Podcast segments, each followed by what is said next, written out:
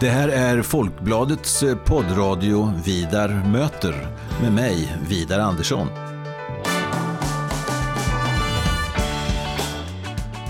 Jag är eh, chefredaktör på Folkbladet och jag är också ansvarig för Folkbladets ledarsida som eh, skrivs utifrån en oberoende socialdemokratisk hållning. Så i den här poddradion kommer jag att möta politiska personer av olika slag och vi ska ha ganska så korta och hoppas jag rappa samtal om stora och små samhällsfrågor. Varmt välkommen till Vidar möter.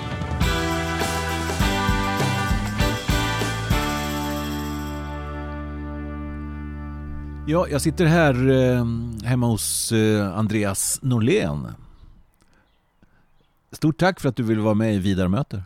Tack så mycket. Mm. Och du är talman i riksdagen sedan 2018. Eh, mm. Och eh, så fort du gick in i ämbetet så började det krångla. Kan man säga så? Ja, det kan man väl. Det var inte helt överraskande kanske, men det är ju, jag blev vald den 24 september 2018 och den 25 september så förlorade statsministern eh, den obligatoriska statsministeromröstningen och regeringen tvingades avgå och så mm. drog regeringsbildningen igång. Ja, och eh, då blev det så att du var centralfigur då och ansvarig för eh, den längsta regeringsbildningen i Sveriges historia. Så är det. Den 134 dagar om man räknar från valdagen till dagen för skifteskonseljen mm. hos Hans Majestät Konungen. Eh, och ja, nej, men den kan ju sammanfattas i siffror om man vill. En obligatorisk statsministeromröstning, två misslyckade prövningar av mina statsministerkandidater, tre sonderingsuppdrag, fyra gruppsamtal med mig och olika partiledare, sju talmansrundor, sju möten mellan mig och kungen, 17 möten med talmanspresidiet, 41 pressmeddelanden från mitt kansli, 97 presskonferenser i riksdagen varav jag höll i 14 ja. och så 134 dagar. Ja. Eh, den julen där, var det mycket ledigt eller? Alltså... Ja, alltså jag hade ju då precis före jul gett eh, partiledarna, framförallt Stefan Löfven och Ulf Kristersson, mm. i uppgift att under de här veckorna, eh, jul och nyårsveckorna, försöka lösa det här och ge Sverige en regering. Så jag hade inbokade möten med Löfven och Kristersson per telefon vid två tillfällen och sen också ett fysiskt möte i Stockholm i januari, mm. början på januari. Men eh, däremellan så var det ju framförallt de som hade arbete att utföra så att jag kunde fira mm. jul på ganska vanligt sätt även om förstås tankarna ibland fanns på annat håll. Ja, och så fick vi en regering, vi fick ett januariavtal 2019 och sen rullar det på. Jag ska inte säga precis som vanligt, för det var det ju inte. Men ett år i varje fall utan några större saker. Och sen blev det januari, februari 2020. Och då drabbades vi, likt resten av världen, av en, en, en pandemi, ett nytt virus. Mm. Och eh, allt står på huvudet igen i riksdagen, eller? Ja, eh, alltså jag tycker att det är viktigt att säga att eh, i riksdagen så är ingenting som vanligt, precis som fallet är i hela samhället. Vi har anpassat våra arbetsformer, eh, precis som alla vi i samhället måste anpassa våra liv inte trängas på uteserveringar eller shoppinggallerior till exempel, eh, så har riksdagen också anpassat sig. Eh, å andra sidan är det också viktigt att säga att mycket är som vanligt i riksdagen. Eh, vi fortsätter att bereda lagförslag, inte bara som rör coronakrisen utan som rör eh, allehanda samhällsområden. Vi bereder riksdagsmotioner, vi bereder, eh, vi samråder med regeringen, vi i bemärkelsen riksdagen, riksdagens mm. ledamöter, med regeringen om EU-frågor och så. så att det har varit väldigt viktigt för mig genom hela den här krisen att riksdagen inte ska stänga ner, bli mm. paralyserad, utan att riksdagen ska fortsätta att fungera. Och det är viktigt tycker jag, för alla som bor i Sverige att veta att deras riksdag fortsätter att arbeta och har fortsatt att arbeta genom hela krisen mm. och kommer att fortsätta. Rent praktiskt, det är färre antal ledamöter som tjänstgör åt gången? Eller? Gruppledarna har kommit överens om att när riksdagen röstar så ska bara 55 ledamöter vara på plats mm. proportionellt fördelade mellan mm. partierna. Ehm, däremot i utskottsarbetet så deltar eh, ledamöterna eh, i princip som vanligt men många per telefon Mm. eh, istället för att vara fysiskt närvarande i Stockholm. För att säkra upp utskottsarbetet så har vi också eh, valt i princip alla riksdagens ledamöter till ersättare i alla utskott så att partierna har maximal flexibilitet att bemanna utskotten oavsett vad som händer med sjukdomsläge och resemöjligheter och, och annat. Mm.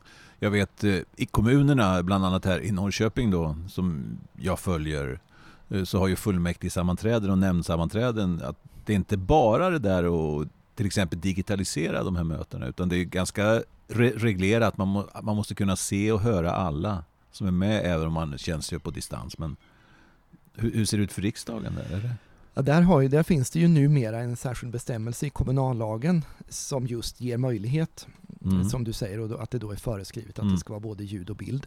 Någon motsvarande reglering finns inte för riksdagen, Mm. eh, utan eh, även om det pågår diskussioner om att eh, ta ett initiativ för att faktiskt reglera det här lite tydligare. Utan där eh, har vi ju det att luta oss på att eh, det står i regeringsformen, en av grundlagarna, att riksmöte äger rum i Stockholm. Ja. Och det har ju hittills ansetts innebära att för att kunna vara, räknas som deltagare i ett sammanträde med ett utskott eller med kammaren så måste man vara på plats i Stockholm där sammanträdet äger rum.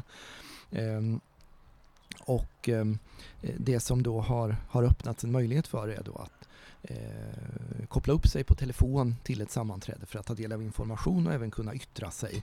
Men däremot så kan man inte fatta beslut, man kan inte vara beslutsfattare på distans. Okej. Utan det, det är ett av skälen till att vi har alla ledamöter som ersättare i alla utskott. För de formella beslutssammanträdena eh, måste då eh, genomföras med personer som är fysiskt på plats i Stockholm. Mm. Så att det, det ser lite annorlunda ut för riksdagens vidkommande. Däremot så har vi inte en föreskrift då, å andra sidan som säger att man måste kunna se, både se bild och höra Mm. ljud. Utan eh, hittills har de flesta utskotten haft ledamöter uppkopplade per telefon men vissa har också haft Skype-sammanträden. Mm.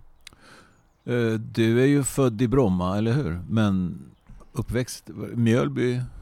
Ja, ja, precis. Mina föräldrar bodde i Bromma då när jag föddes. Ja. Men eh, jag eh, känner mig inte som stockholmare och kan inte påstå att jag har några minnen från den tiden. För redan Mm. när jag var i treårsåldern så flyttade vi till mina, min mammas hemtrakter, eh, alltså Ödeshög. Ödeshög, så, jag, var det. jag är uppvuxen i Ödeshög, har gått på gymnasiet i Mjölby, bott många år i Motala, jobbat och pluggat i Linköping och nu bor jag då i Norrköping. Så jag har försökt täcka Ja. in länet lite från väster mot öster. Det verkar nästan som om du förberedde en riksdagskarriär redan i unga år där och kunna vara välkänd i hela valkretsen.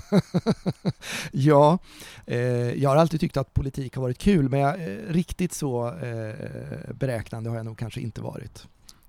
Nej, för eh, du började din politiska bana då som eh, Ja, på riktigt om man säger som riksdagsledamot för Moderaterna här i Östergötland ska vi säga. Ja, det är riktigt. Mm. Absolut. Och jag gick med i MUF eh, i Ödeshög då i slutet på 80-talet. Mm. Så för ungefär 30 år sedan. Mm. Vad, vad var du för slags muffare om man kan säga så?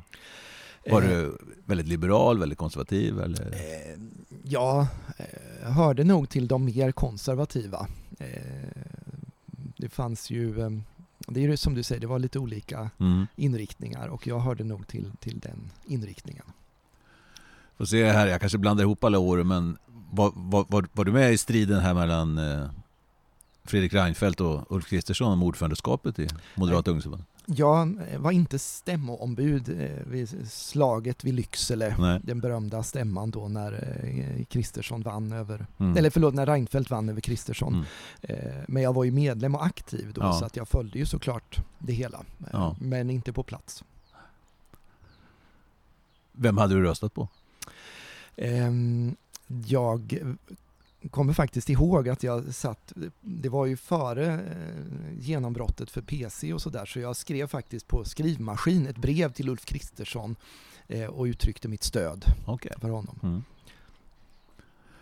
Se där. Eh, Men den 24 september så lämnar du partipolitiken. Du är liksom... Ja, alltså riksdagens talman ska vara partipolitiskt neutral Mm. och det har varit väldigt viktigt för mig att vara hela riksdagens Mm. talman. Eh, Under regeringsbildningen förstås, när så mycket stod på spel, Mm. men också därefter.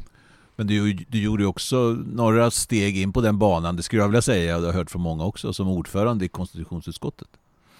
Eh, Som du också har- varit. Alltså att Mm. eh, det kändes som om eh, utskottets arbete blev mer på riktigt. Och ingen...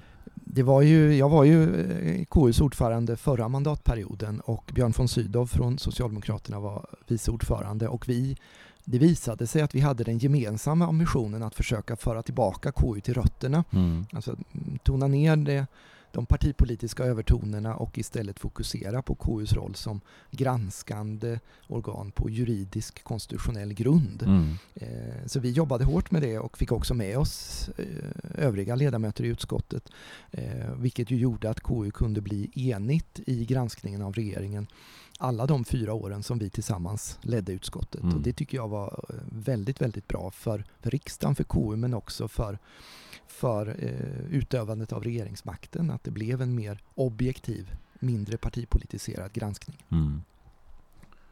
Du är också vid sidan av allt detta en eh, mycket välutbildad jurist. Inte mindre än tre gånger kan man säga. Om man... Ja, eh, Affärsjurist från Linköping. Mm, stämmer. Och eh, det som idag kallas då juristexamen, eller hette jurkant på din tid i Stockholms universitet. Mm. Och sen tillbaks i, i Linköping igen för en doktors, en juris doktor. Va? Ja, mm. stämmer. Ja. Och eh, jag ska inte sitta här och ljuga och säga att jag har läst din avhandling, hela.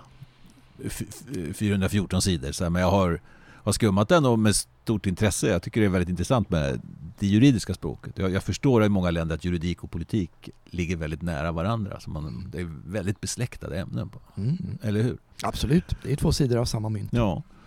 Men i alla fall då så din, eh, eh, din avhandling den, den skrev du om eh, oskälighetsparagrafen, det vill säga den 36 paragrafen i avtalslagen.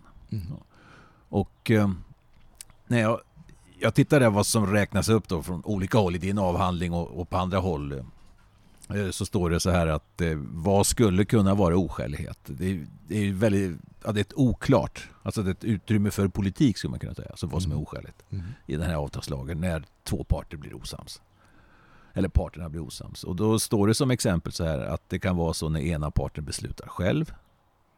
Det kan vara oskäligt.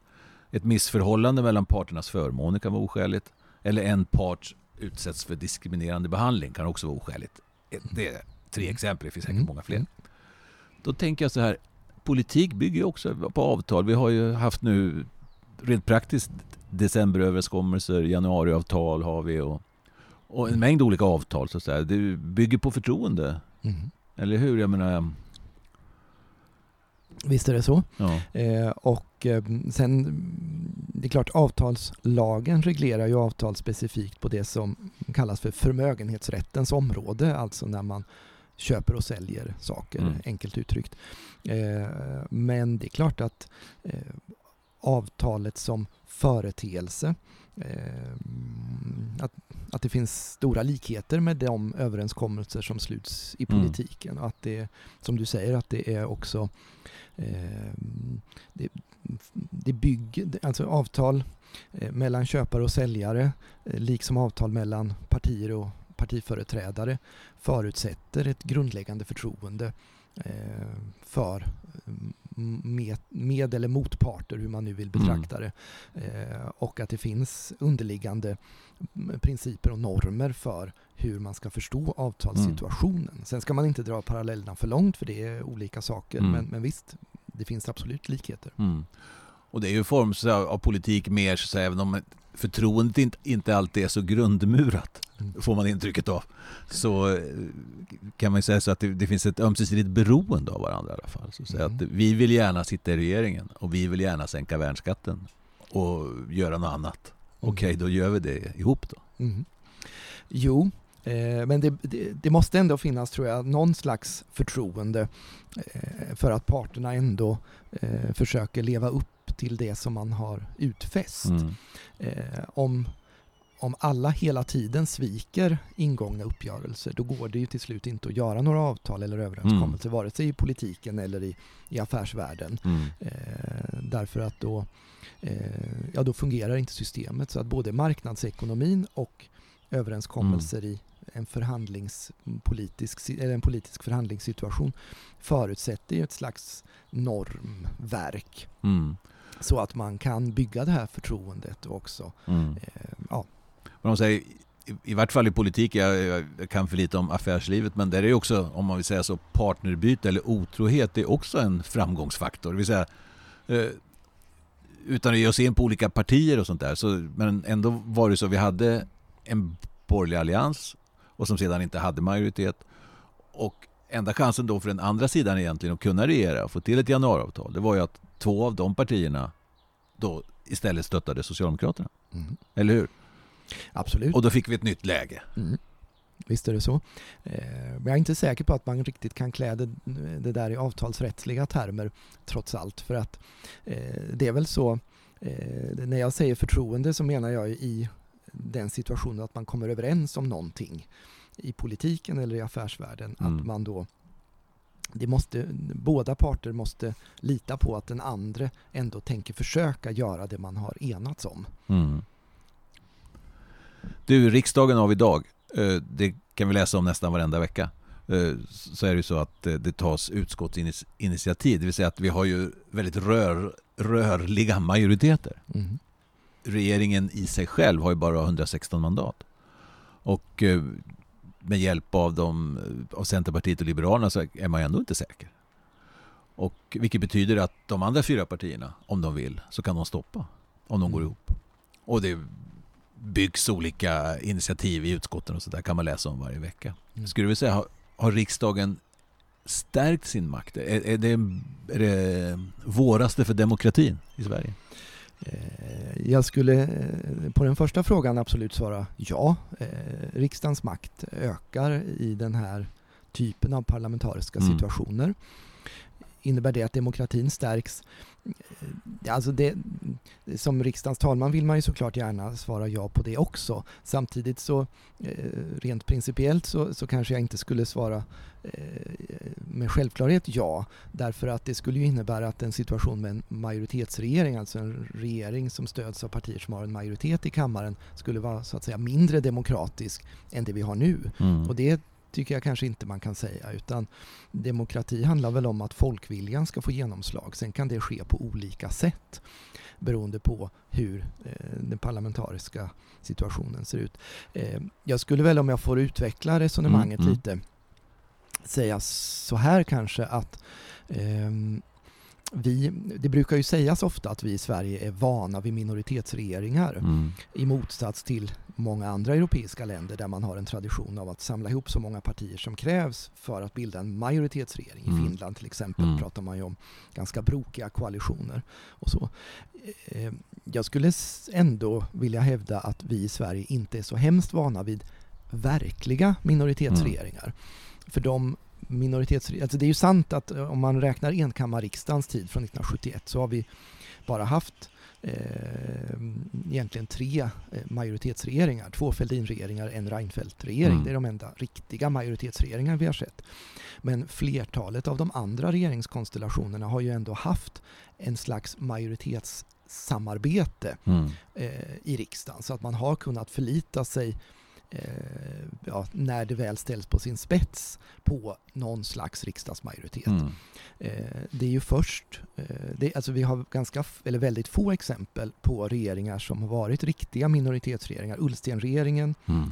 Får man väl säga då, den kortlivade 78-79, eh, regeringen Reinfeldt 2 och nu Löfvens två regeringar. Det är ju mm. de enda helt, alltså verkliga minoritetsregeringar vi har haft där man där regeringen inte vid slutet av dagen, om man får använda ett så eh, anglifierat uttryck, eh, har kunnat räkna med eh, stöd eh, ens i den grundläggande frågan om regeringen kan överleva eller inte, eller mm. sitta kvar eller inte.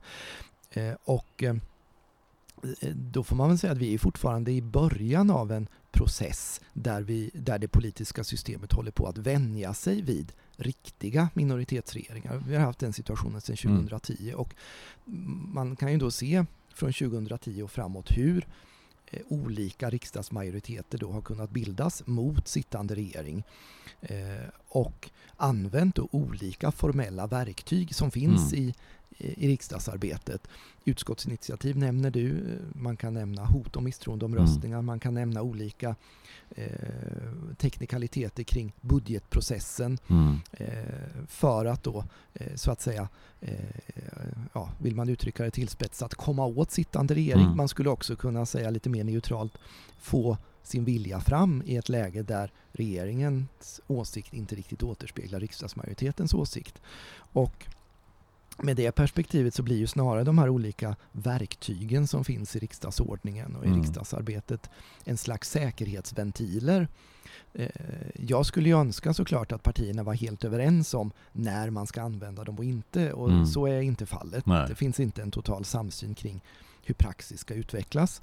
Eh, men eh, man kan ändå säga att det ligger nog i allas intresse att det finns sådana säkerhetsventiler för annars skulle ju en riksdagsmajoritet som är missnöjd med regeringens agerande i en viss fråga eh, behöva tillgripa förtroendeomröstningar varje gång och alltså mm. ytterst avsätta regeringen varje gång man var missnöjd. Mm. Nu finns det istället andra verktyg som gör att man då kan få sin vilja igenom om man nu inte är nöjd med, med regeringens agerande och det, det mm. kanske ändå är bra för alla parter. Om man får göra en sån liten utläggning. Ja, jätteintressant. Jätteintressant. Det, eh, var, var ju mycket därför jag blev så glad när du hade möjlighet att träffa mig. Jag menar, det är en väldigt speciell situation och mm. spännande att följa från sidan. Och, mm. och du som sitter mitt i och, och höra hur du tänker om de här sakerna. Det är mm. mycket värdefullt. Det tycker jag är oerhört intressant. En annan sak jag funderar på när det gäller dig, det är ju att eh, det är liksom... Eh, du springer inte längst fram mot de nya tiderna. Det kanske du gör på en del andra områden, jag vet inte. Men om, om man håller sig till det, det jag kan se i, i pappren här. Tänker du eh, ett talman, det är ett uppdrag som går tillbaka till i vart fall 1619. Även om det var många talmän på, i gamla ståndsriksdagen. Men många behöver inte vara sämre än få. Och eh, ordförandeskapet i konstitutionsutskottet, ett gammalt utskott, 1809. Eh, avtalslagen som vi talade om förut är från 1915. Eh, I ditt förord där, där har du eh, på din avhandling där eh, citerar du ehm, en dikt som heter Det eviga. Isaias Tegnér. En, en fin dikt. Och för att inte tala om eh, när du gjorde succé som nyvald talman och åkte till, eh, till Helsingfors och citerade alla verserna om Sven Duva ur Fänrik Stålsägner ur den finska, av den finska nationalskalden Runeberg. Och de kom ut 1848. Är det något, alltså har du...